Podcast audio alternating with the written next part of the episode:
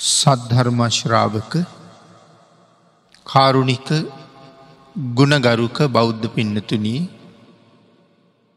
බොහෝම ශ්‍රද්ධාවෙන් යුක්තව සියලු දෙනාම සූදානන් වෙන්නේ ලොවතුරා බුදුරජාණන් වහන්සේ විසින් අවබෝධ කරගෙන දේශනා කොට වදාළ පරම ගම්බීර වූ ශ්‍රී සද්ධර්මරත්නයෙන් අබමල් රේනුවකටත් වඩා අඩු බොහෝම පුංචි කොටසක් දේශනා කරවගෙන ධර්ම ගෞරවය පෙරදැරි කරගෙන ඒ දේශනාගත ධර්මය ශ්‍රවණය කරන්නත් එසේ ධර්මශ්‍රවණය කිරීමෙන් ලැබෙන අවවාද අනුශාසනා තම තමන්ගේ ජීවිතවලට එකතු කරගෙන වඩාත් නිවැරදි මෙලව ජීවිතයක් සකස් කරගෙන සුගතිගාමී වූ පරලොව ආත්ම භාවයකින් සැනසිලා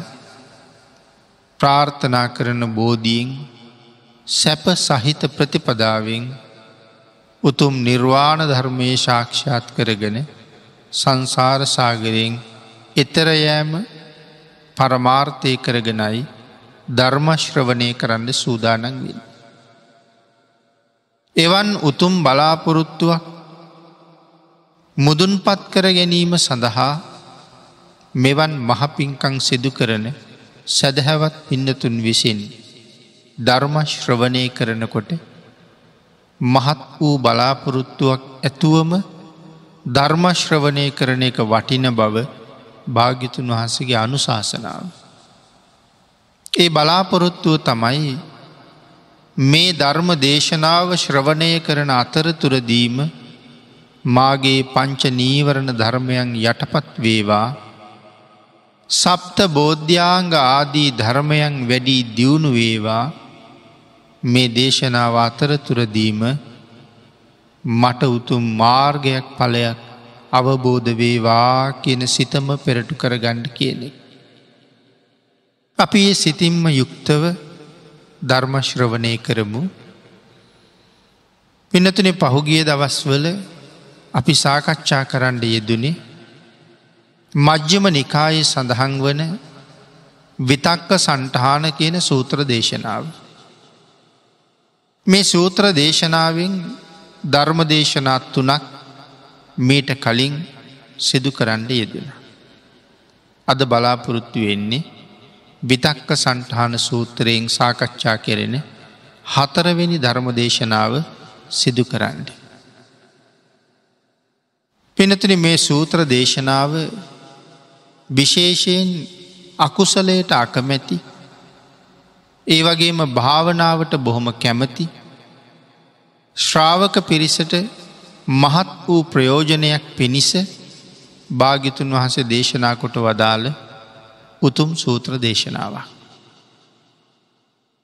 අපි තුන්වෙනි ධර්මදේශනාව නිමා කරන්නට යෙදුනේ යම් පුද්ගලය රාගය දවේශය මෝහය ආදී අකුසල ධර්මයන්ගෙන් යුක්තයි නං.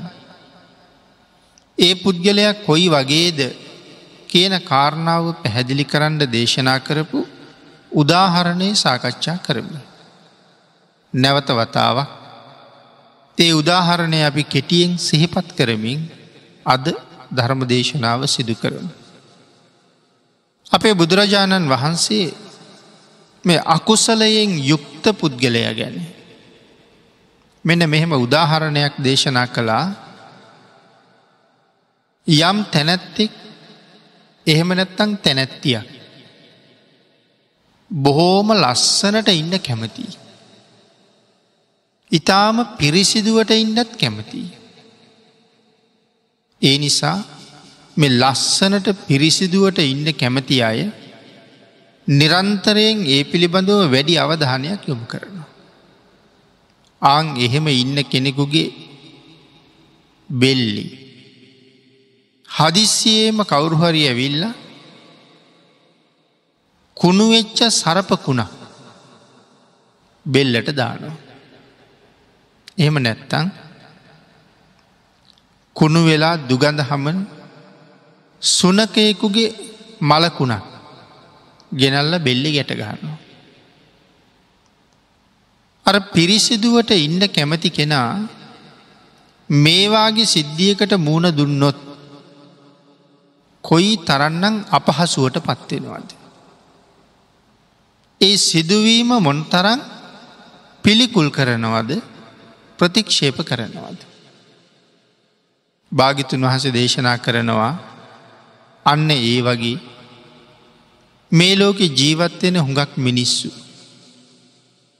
නිවන් දකිින්ඩ ඕනෙ බුදුන් සරණය අන්ඩ ඕනෙ සංසාරෙන් එතරවෙන්ඩ ඕනෙ ඒ සඳහා ජීවිතය කුසලයෙන් පෝෂණය කරවගණ්ඩ ඕනෙ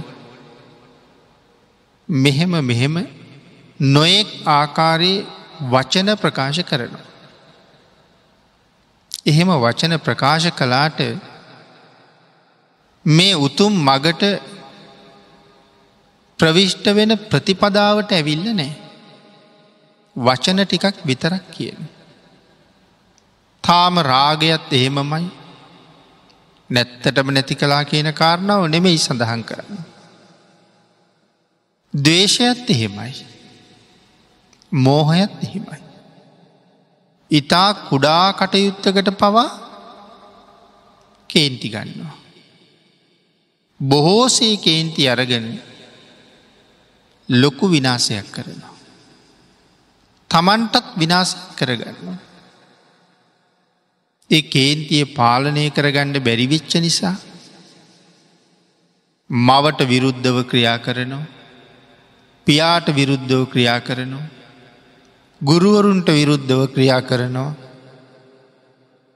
වැඩිහිටියන්ට විරුද්ධව නොයෙක් ක්‍රියාකාරකංවල යෙදෙනවා.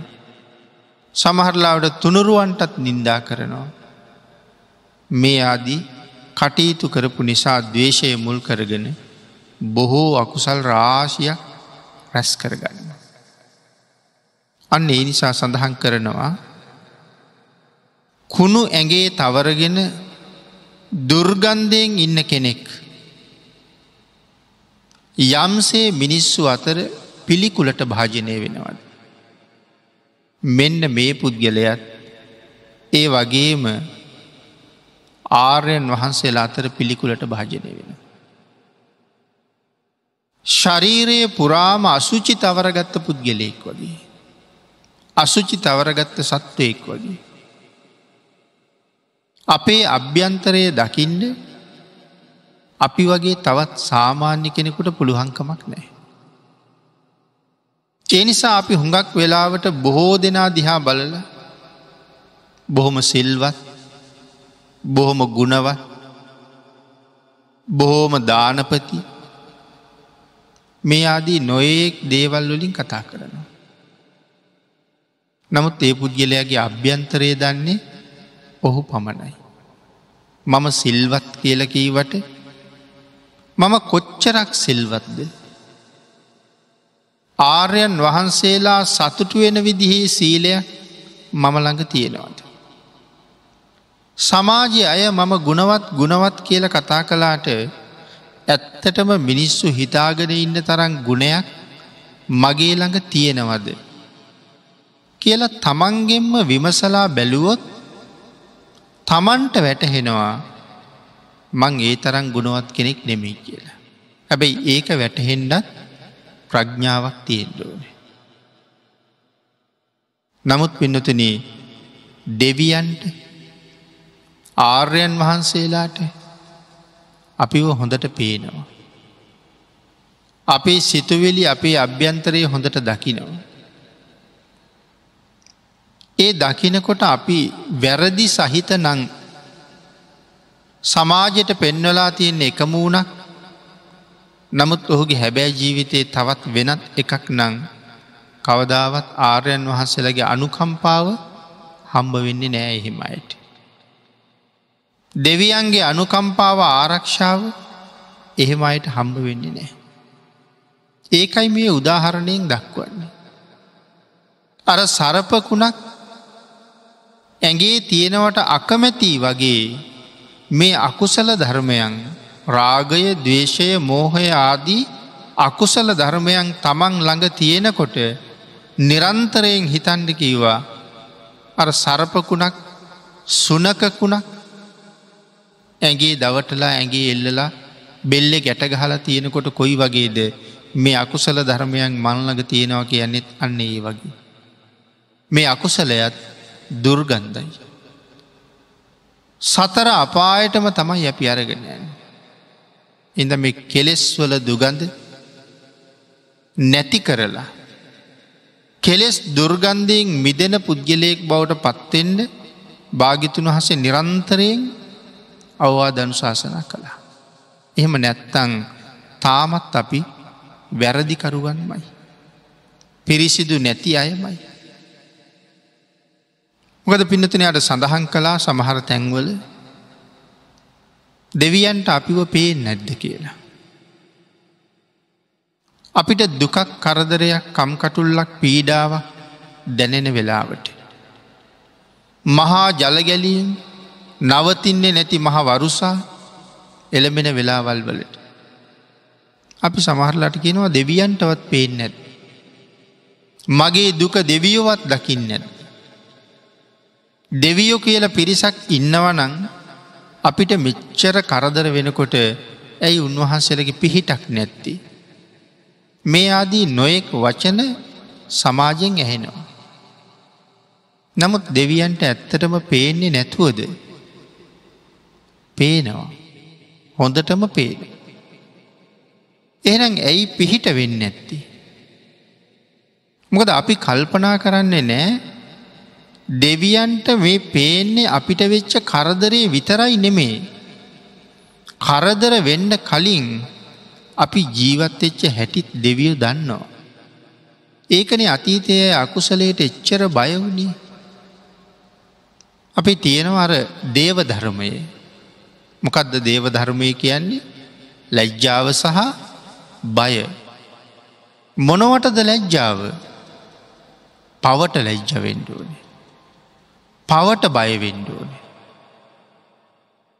එමනම් පිඩතුනී අපේ ජීවිතය තුළ ඒ පවට තියෙන අකමැත්ත හැම වෙලායම තියෙන්දුවන.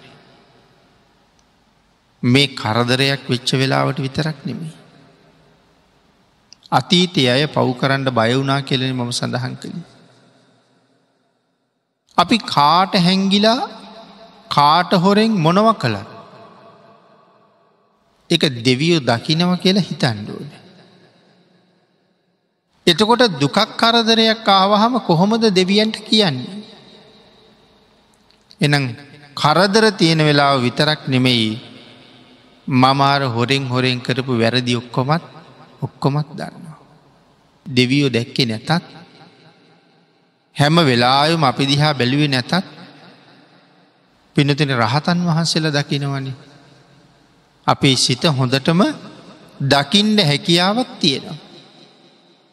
ඒ නිසා අපි මොනතරං ශික්ෂාකාමී විදිහට ළඟට ගිහිල්ල හිටියත් අපි කෞුද කියන කාරණාව හොඳටම දන්න. ආං ඒකට ලැජ්ජාවෙන්ඩෝ නෑ මම මේ හොඳ මූනක් පෙන්නගෙන බොහෝම සිල්වත් ගුණවත් වගේ මෙතන හැසිරුණාට මම කරන්නේ ආත්ම වංචාවක් මයි කියන කාරණාව මේ ළඟ ඉන්න උතුමන් වහන්සේ හොඳටම දන්නවා. එතකොට හරියට උන්වහන්සේගේ ඉස්සරහාපිට මම රඟපෑමක් කරනවා වගේ. මං ගැන මොනව හිතනව ඇද. එහින්ද අතීතය අය බයවුනා පව් කරන්නට. දෙවියෝ දකිනව දෙවියෝ දැක්කෙන තත් රහතන් වහන්සේල දකිනෝ කවුරු දැක්කෙ නැතත් බුදුරජාණන් වහන්සේ මං ගැන හොඳටම දන්න. එනිසා භාග්‍යතුන් වහන්ස ළඟට යන්නත් එතකොට ලැච්චයි.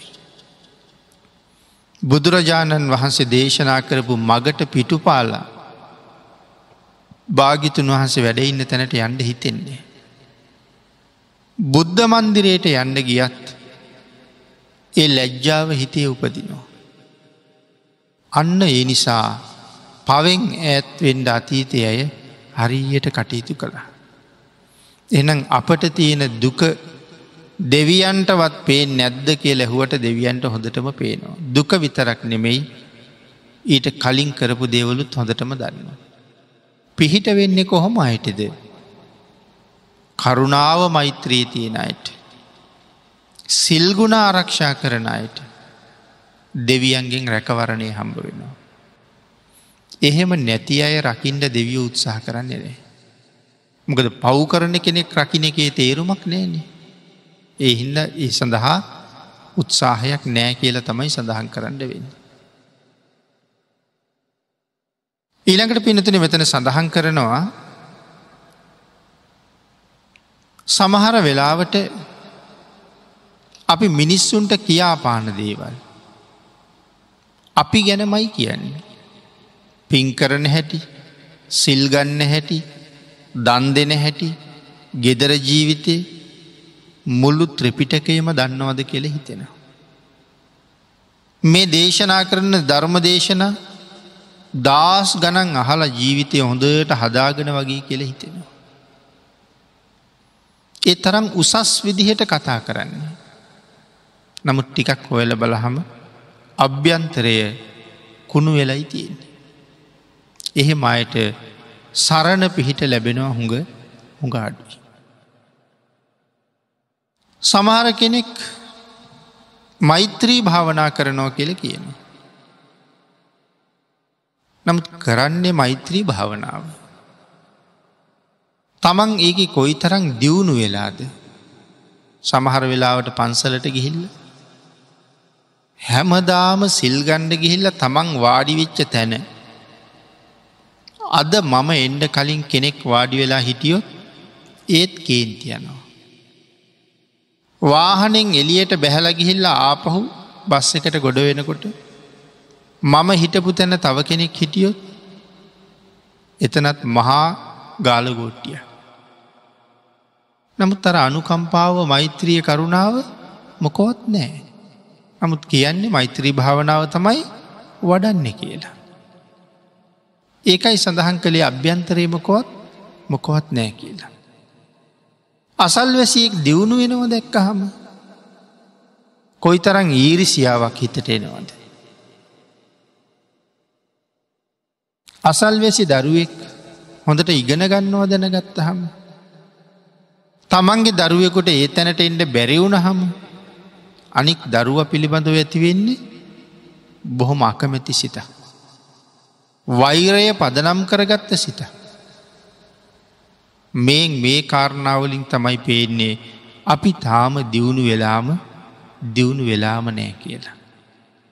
පිනතුනේ අකුසල ධර්ම දිහා තමන්ගේ ප්‍රඥාවෙන්ම බලල තමන්ගේ ප්‍රඥාවෙන්ම දැකල ඒ අකුසල් හැම වෙලාම ඉවත් කරන්න ඕනේ. ලස්සන වෙන්ඩ කැමති කෙනෙක් කොයි තරං දේවල් කරනවද තමන්ගේ රුවගුණ රැකගණ්ඩ.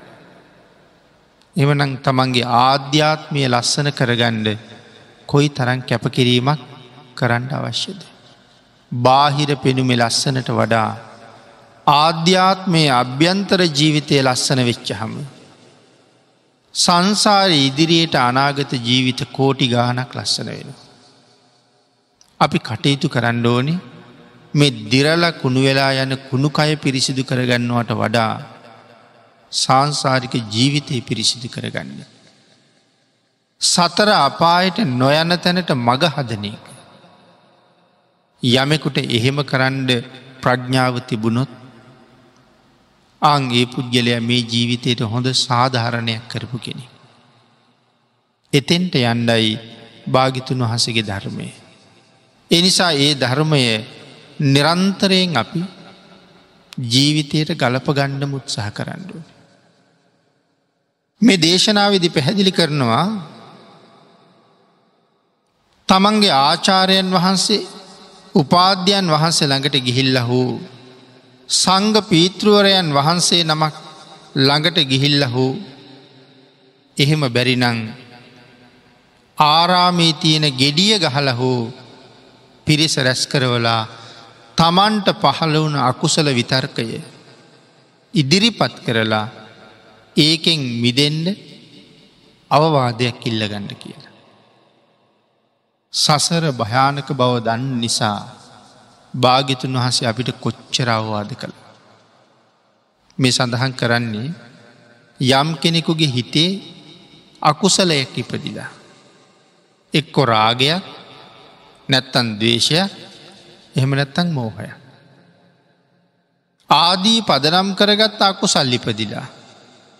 දැන් තමන්ට තනියම තේරෙන්නේ නෑ මේ අකුසලයෙන් මම මිදෙන්නේ කොහොමද කියලා. තම මුලින් මතක් කලාන මේ භාවනාව දියුණු කරගණ්ඩ කැමති අයට විශේෂ උපදේශයක් මේ සූත්‍රය තුළ තියෙන්නේ කියලා. පිනතින අපි කලිනුත් මේ සූත්‍රයේදි පැහැදිලි කළා භාවනාව වඩනකොට අපි මොකක් හරි කර්මස්ථානයක් කරගන්න. එක්කො මෛත්‍රී කර්මස්ථානයේ දියුණු කරනවා. එම නැත්තං බුද්ධානුස්සතිය වඩනවා. එහම නැතං මරණානුස්සතිය වඩනවා. අසුභය වඩනවා. ආනාපාන සතිය දියුණු කරනවා. මෙහෙම කරගෙන යනකොට හදිස්සේම මූලික කර්මස්ථානයෙන් හිත එලියට ගිහිල්ල අකුසල් සිතක් එනවා. එතකොට මෙනෙහි කරන්නේ ඒ අකුසලේ. නමුත් අකුසලේ මෙනෙහි කරලා සුගතියට යන්න බෑනි.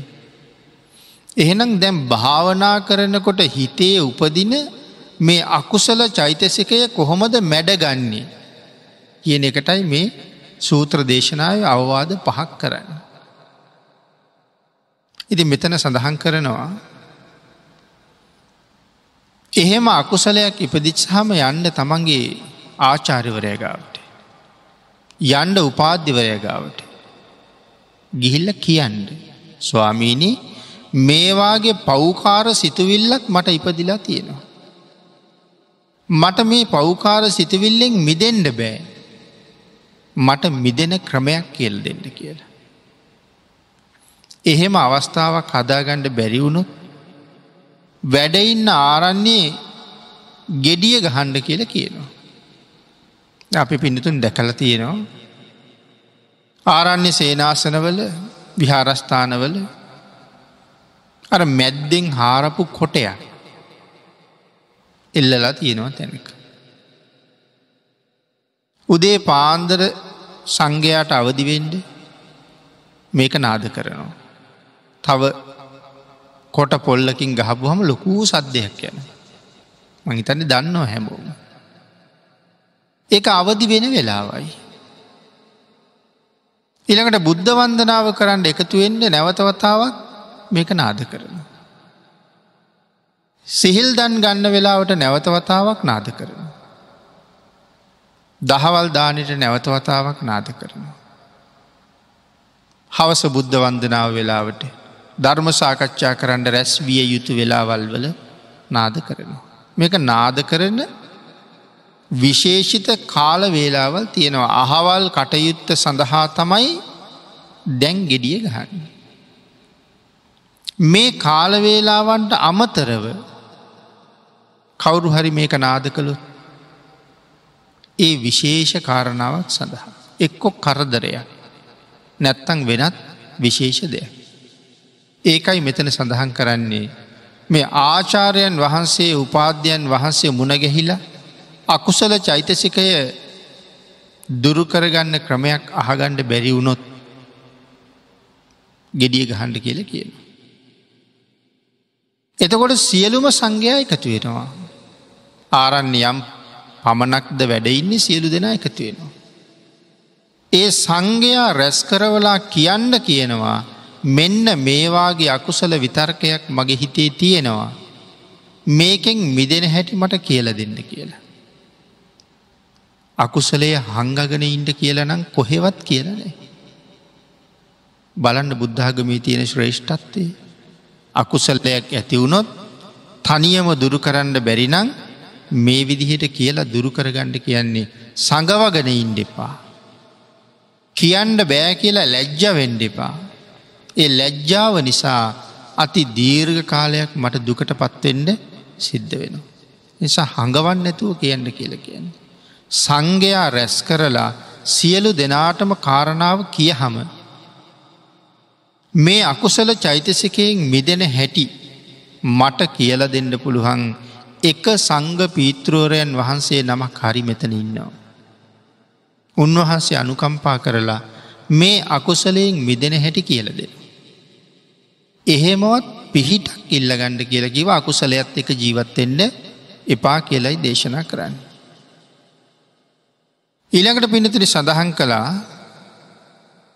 ආචාර්ය උපාධ්‍ය හෝ වෙනත් සංගපීතෘවරයන් වහන්සේ නමක් ළඟ අහලත් දැනගණ්ඩ කියල උපදෙස් දීලා එහෙමත් බැරිවුණොත් ගෙඩිය ගහල සංඝයා රැස්කරෝලා සංඝයාට කියලා විසඳුමක් ඉල්ලගණ්ඩ. ඊළඟට සඳහන් කරනවා. තමන්ට මේ මොහොතේ ඉපදිලා තියෙන්නේ මේ විතර්කය මොන ක්‍රමයකින් හරි නැති කර ගණ්ඩුවනේ. මොක දෙහෙම නැත්තම් එක තමන්ටම අයහපතක් සඳහාම ක්‍රියාත්මක වෙනවා. ඊළඟට පිණිතනි සඳහන් කළා මේ ශාසනයේ විශේෂයක් මයි මේක. මේ ශාසනය කවදාවත් අකුසල් සහිතව පුද්ගලයෙක් ඉදිරියට ගෙනියන්ට ඉඩ තියන්නේ නෑ. ඔහු පිරිසිදු කරන්නමයි හදන්නේ. කුණු ගෑවිලා ඉන්න පුද්ගලයා පිරිසිදු කරනවා වගේ අකුසල් තියෙන පුද්ගලයා අකුසලයෙන් මුදවන්ඩම තමයි කටයුතු කරන්න. විශේෂයෙන් සඳහන් කළා යමෙකුගේ හිතට යම් අකුසලයක් ආවහම ඒක හංගන්ඩ ඉඩ තියලා නැත්තේ ඒකයි කියලා. ප්‍රඥාවන්තයා අකුසලේ හංගගෙන ඉන්නේ නෑ. මොකද සඟවාගෙන සිටීම ඉතාම ඉතාම භයානක නිසා.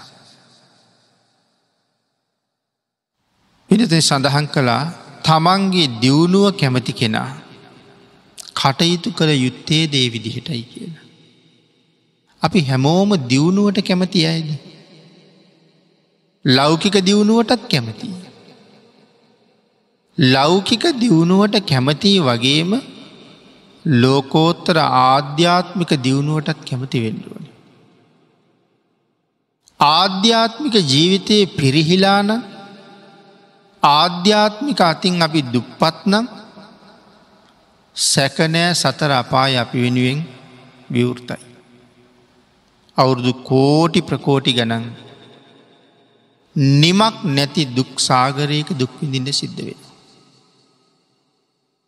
අකුසලය සඟවාගෙන අපි බොහොම ලස්සනට මේ ලෝක ජීවත් වනාට මැරිල ගිහිල්ල ඉහට මැස්සෙක් වෙන්න කැමති කෙනෙක් මේ අය අතර කොහෙවත් නෑ. මේ ජීවිතය අත්තැරී හම පණුවෙක් වෙන්ඩ කැමති කෙනෙ අපි අතර හොයාගණ්ඩ නෑ.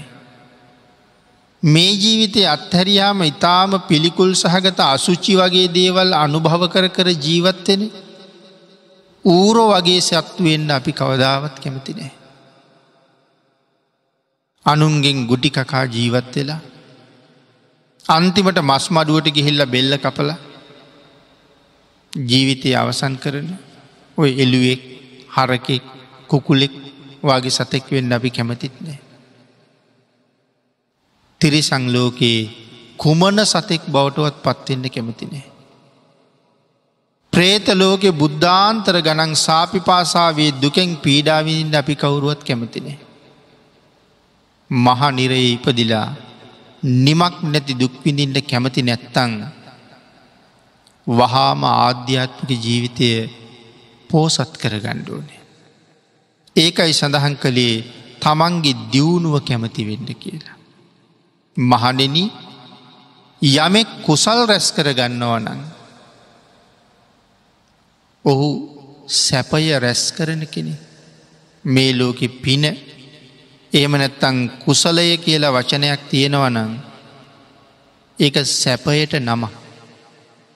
අකුසලය පව එහෙම වචනයක් තියෙනව නං එක දුකට හේතුවෙන නම. එහනම් අකුසල් වලින් මිදිල කුසල් මත ජීවිතය ගොඩනගන එක සැප කැමති හැම කෙනෙකුගේම ප්‍රධාන වගකීම බවට පත්වෙනවා. පිනතින මෙන්න මේ විදිහට අකුසල් මැඩගත්තොත් සඳහන් කරනවා අභ්‍යන්තරයේ හිත හිටගන්නවා කියලා. අපේ හිත අභ්‍යන්තරයේ හිටගන්නවා. එහෙම නැත්තං අභ්‍යන්තරයේ හිත ඉඳගන්නවා කියල සඳහන් කළ. ටිකක් ගැඹුරු කාරණාව. අපේ හිත හැම වෙලායම එලියට දුවන වාර ප්‍රමාණය වැඩි. අපිට ඕනැතැන හිත තියාගණ්ඩ හරි අමාරුයි. හිතල බලන්නකෝ අපි කැමති තැන මේ හිත මොහොතක් නතර කරගණ්ඩ පුළුහන්ද කියලා. මම නිතර නිතර සිහිපත් කළා අපි උදේට හවසට බුද්ධ වන්දනාවට ගිහිල්ල වාඩි වුණහම. නමෝතස්ස භගවතු අරහතු සම්මා සම්බුද්ධස්ස. අපි මුලින්ම මේ වගේ නමස්කාර පාටය කියනවා. නමස්කාරවේවා නමෝතස්ස. භාග්‍යවත් වූ අරිහත් වූ සම්මා සම්බුදුරජාණන් වහන්සේට. තුන් වතාවක් නමස්කාර කරනකොට අපි පිණිතුන හිතන්ට මේ ගුණ තුන භාග්‍යවත් වූ අරිහත් වූ සම්මා සම්බුදුරජාණන් වහන්සේට නමස්කාර වේවා. කියන කාරණාව මත පිහිටලා මෙයම සිහිපත් කර කර හිත වෙනත් කාරණාවකට යා නොදී එක තැන තියාගෙන නමස්කාරය කියන්න කොච්චර අමාරුද කියලා. මේක හිතන්නවත් නැති කෙනෙකුට ඕක කොහොමත් දැනෙන්නේ නෑ. නමුත් අදින් පස්සේ බුදුන් වදිනකොට උත්සාහ කරන්නකු හිත කොහාටවත් ගමන් කරන්න නොදී භාග්‍යතුන් වහන්සේගේ ගුණයම කියලා අද නමස්කාර කරනවා. හිත ඒ ගුණය තුළ හිත තියාගන්න. උත්සාහ කරන්න කොච්චර අමාරුදු කියල. මට තේරෙන්නවත් නෑ හිත කොහෙද ගිහිල්ල. එන මෙතෙක්කල් ඉතිපිසෝ භගවා අරහං සම්මා සම්බුද්ධෝ කියල අපි මේ නවාරහාදී ගුණපාටය කියල වන්දනා කළා.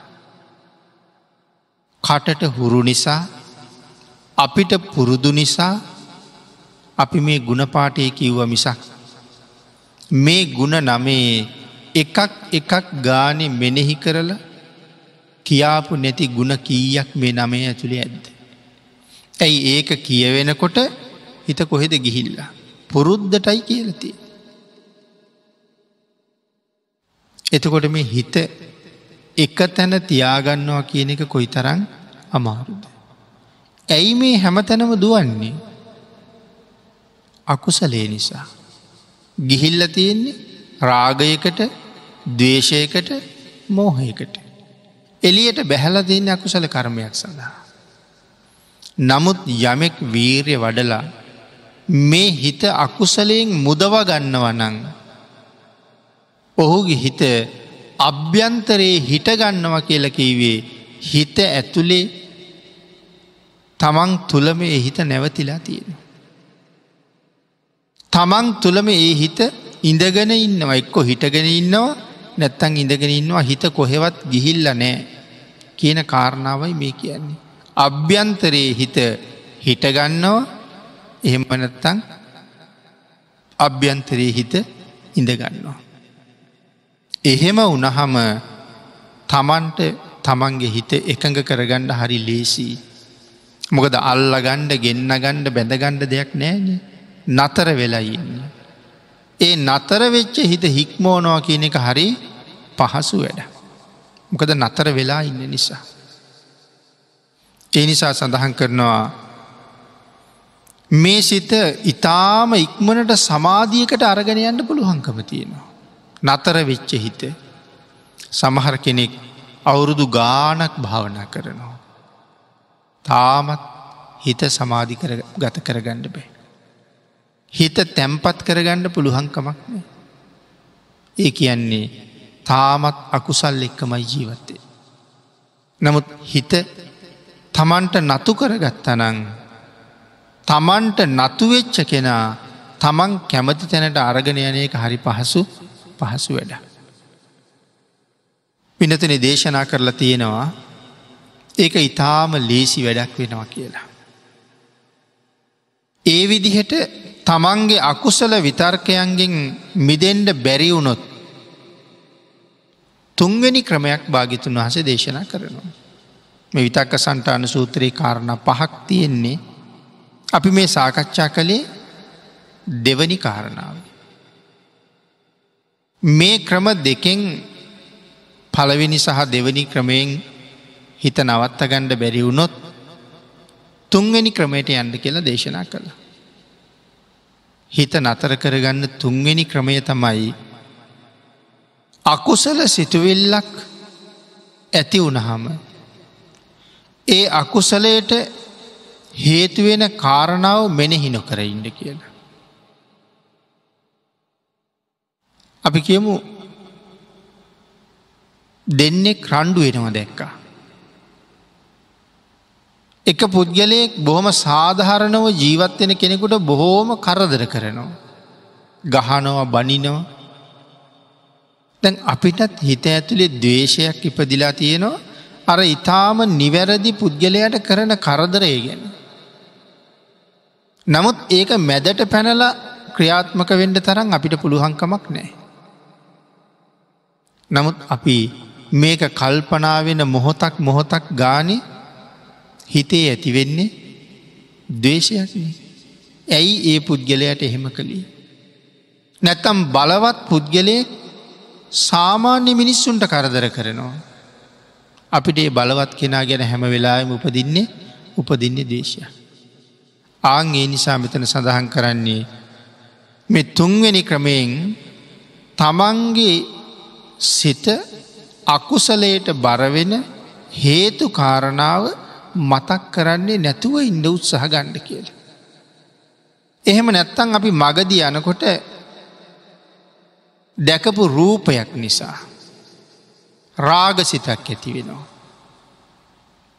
ඇත්තන් කෙනෙකුගේ නිරුවත් රූපයක් දැකල වෙන්ඩ පුළුවන්.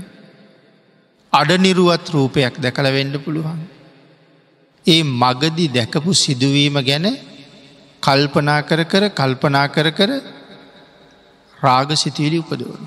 මතක් වෙන්ඩ මතක් වෙන්ඩ නොඒ රාගසිත් පහළ.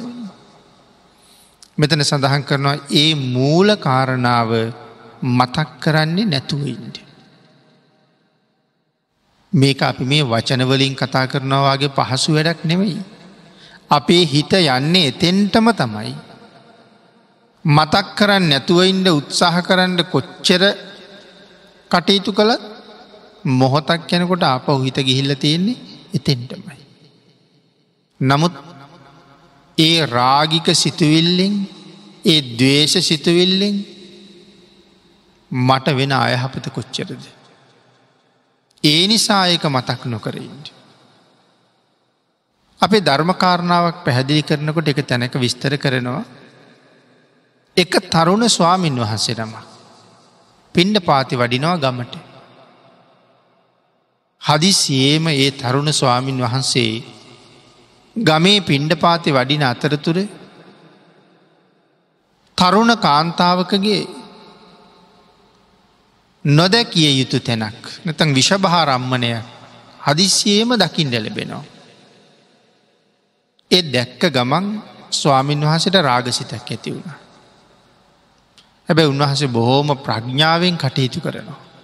රාගසිත ඇතිවෙනකොටම උන්වහස එතනම නතර වෙනවා. නතර වෙලා තමන්ගේ හිතේ ඉපදුන අකුසල සිතුවිල්ල එතනම යටපත් කරගන්න. ආය උපදින්නේ නැති තැනට එනකං තරම්ම යටපත් කරන. පිළිකුල වඩල අසුභය මෙනෙහි කරලා රාගසිත යටපත් කරනවා. යටපත් කරලා පිණ්ඩ පාති වඩිනවා. පිණිසිංගා වැඩල දානෙ වලඳලා උන්වහන්සේට අර කාරණාව මතක් වෙලා බය හිතෙනවා. නැවත නැවත දැකපු දේ සම්බන්ධයෙන් රාගසිත් ඇතිවෙන්ඩ පටන් ගත්තොත් මට නිරයට පාරමයි හෙදින්. ඒ බය නිසා උන්වහන්සේ තමන්ගේ ගුරුවරය ළඟට ගිය. තමන්ගේ ගුරුවරයට කාරණාව මතක් කළා. ස්වාමීනී මට කමටහනක් දෙෙන්ට. මේ උපදින රාගසිතෙන් මට මිදෙන්ඩ ඕනේ. දැනට යටපත් කරලා ඉන්නේ නමුත් දවස් ගානක් මාස ගානක් ගිහිල්ලා අපහු මතු එන්න පුළුවන්. කමටහන ඉල්ලගෙන එලියට බැහැල කියනවා ස්වාමීනී මේ රාගසිත නැවත නූපදින තත්ත්වයටම පත් කරගණ්ඩ පුළුවන් වුණොත් ඔබවහන්සේට ආය පාරක් මාව දකිින්ට ලැබෙයි. මට ඒක කරන්න බැරිවුණොත් ඔබවහන්සේට ආය මම දකිින්ට ලැබෙන එකක් නෑ. එහෙම කියලා වනගත වුණ. විවේක තැනක් හොයාගෙන උන්වහන්සේ චතුරංග සමන්නාගත වීර්ය අධිෂ්ඨාන කරලා වාඩි වෙනවා.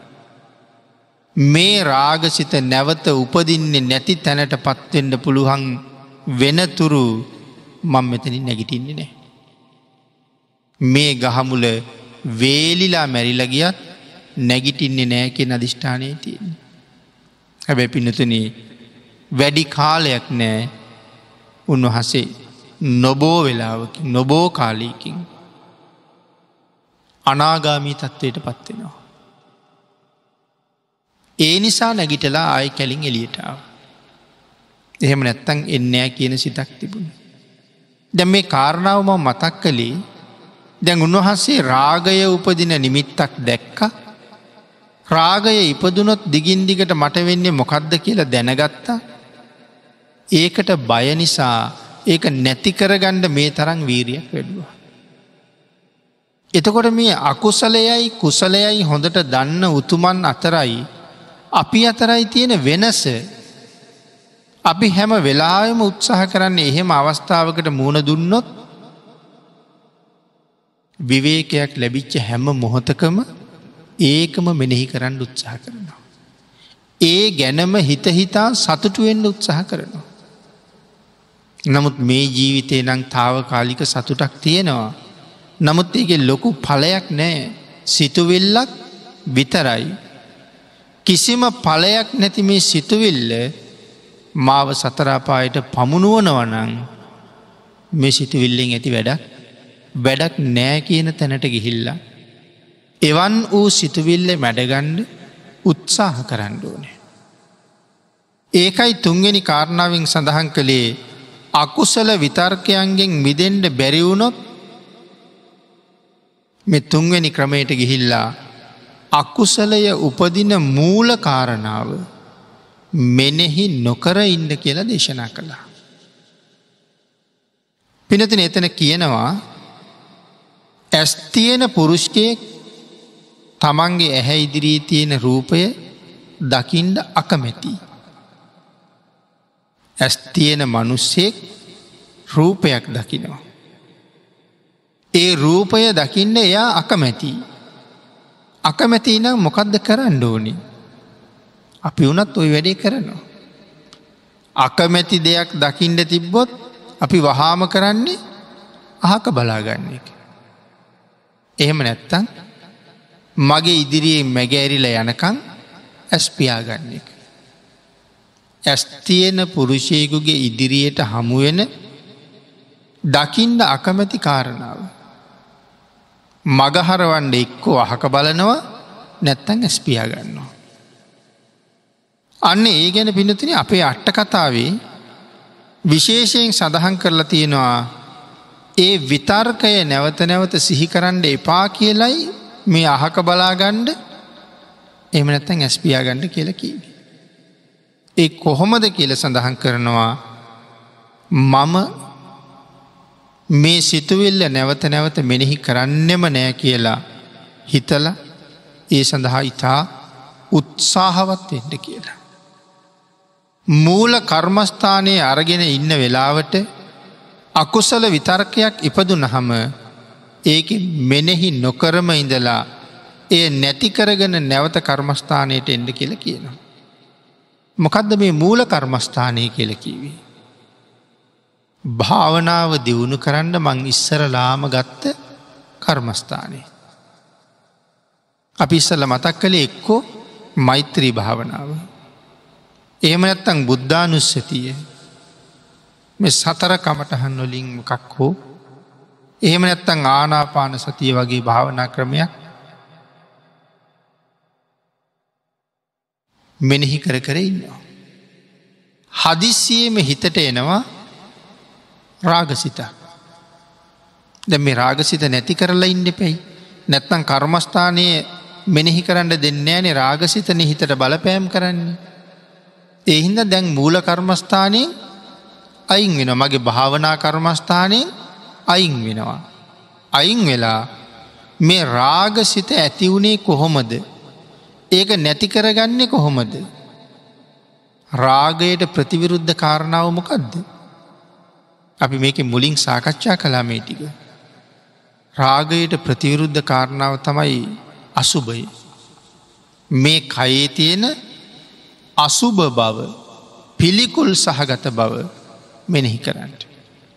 මෙනෙහි කරලා මෙනෙහි කරලා මෙවන් පිළිකුල් සහගත කයක් කෙරෙහි මොන හේතුවකට මේ විදිහට බැඳෙන්ඩද. ඒ පිළිකුල මෙනෙහි කරලා රාගය අයින් කරලා නැවත මූල කර්මස්ථානයට යන්ඩ කියල දේශනා කරන. දේශසිතක් ඇති වුණොත් එහෙම. ඒ දේශයෙන් වැලකෙන්ඩ මෛත්‍රී සිතක් උපදවාගණ්ඩ කියල කියනවා. මෛත්‍රී සිත ඔස්සේ දේශය නැති කරලා නැවත මූල කර්මස්ථානයට යන්ඩ කියල කාරණාව පැහැදිලි කරනවා.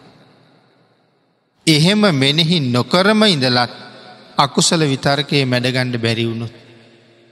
එකඇන රාග සිතුවිල්ල හෝ දේශ සිතුවිල්ල මෙනෙහි කරන්නෙම නැතුව ඉඳලා ඒක නැති කරන්න උත්සාහ කෙරුවත් සාර්ථක වෙන්නේ නෑ නැවත රාගයම එනවා. නැවත දවේශයම එනවා. එහෙම වෙනවනං සඳහන් කරනවා වෙනත් ඉගෙනගත්ත ධර්මකාරණාව. අපි කලින් ඉගෙනගත්ත ධර්මකාරණ තියෙනවනි. ආං එහෙම ධර්මකාරණාවක් හරි නැත්තං ඔය පිරිත් සූත්‍රයක් බෞද්ධයට තුන් සූත්‍රයහෙම පාඩන්. ඒවාගේ පාඩන් තියෙන සූත්‍ර දේශනාව. හයියෙන් හඬ නගල කියවන්න කියන. අපිගේම එක්කො රතන සූත්‍රය කියන. නැත්තන් කරණීය මත්ත සූත්‍රය කියන. හයියෙන් හඬ නගල කියන්න කියල කියන්න. එතකොට අර අකුසල සිත ක්‍රමක්‍රමයෙන් ක්‍රමක්‍රමයෙන් අමතක වෙලා යනවා. ඒවාගේ උපායක් පාවිච්චි කරන්න කියල කියන. තුන්වෙනි අවවාදී පැහැදිලි කරන්න තවත් කරුණු කීපයක් ඉතුරු වෙලා තියෙනවා. නමුත් පිනතින ධර්ම දේශනාවට තියෙන කාලයේ නිමා වෙලා තියෙන නිසා. මේ විතක්ක සන්ටාන සූත්‍ර දේශනාවෙන් අකුසල විතර්කයන් බැහැර කරන ක්‍රම පහ පිළිබඳව සිදු කරන දේශනා මාලාවි හතරවෙනි ධර්ම දේශනාව අපි මේ විදිහට නිමා කරමු. ඉතුරු ධර්ම දේශනාවේදී අනිත් කාරණාටික සාකච්ඡා කරන්න. භාවනාව දියුණු කරන අකුසලයෙන් ඇත්වෙන්ඩ කැමති හැම කෙනෙක්ම මේ උතුම් සූත්‍රයේ මුලඉඳල අවසානයේ දක්වාම ශ්‍රවණය කරලා තමන්ගේ සිත හඳුනගන අපිට කොච්චර අකුසල් උපදිනවද ඒ අකුසල් මැඩගණ්ඩ භාගිතුන් වහසේ කොහොම උපදෙස් දීල තියෙනවද. කියන කාරණාව දැනගෙන අකුසලයෙන් මිදෙන්ට උත්සාහ කරන්න කියලා සියලු දෙනාටම බොහෝම කරුණාවෙන් සිහිපත් කරනවා.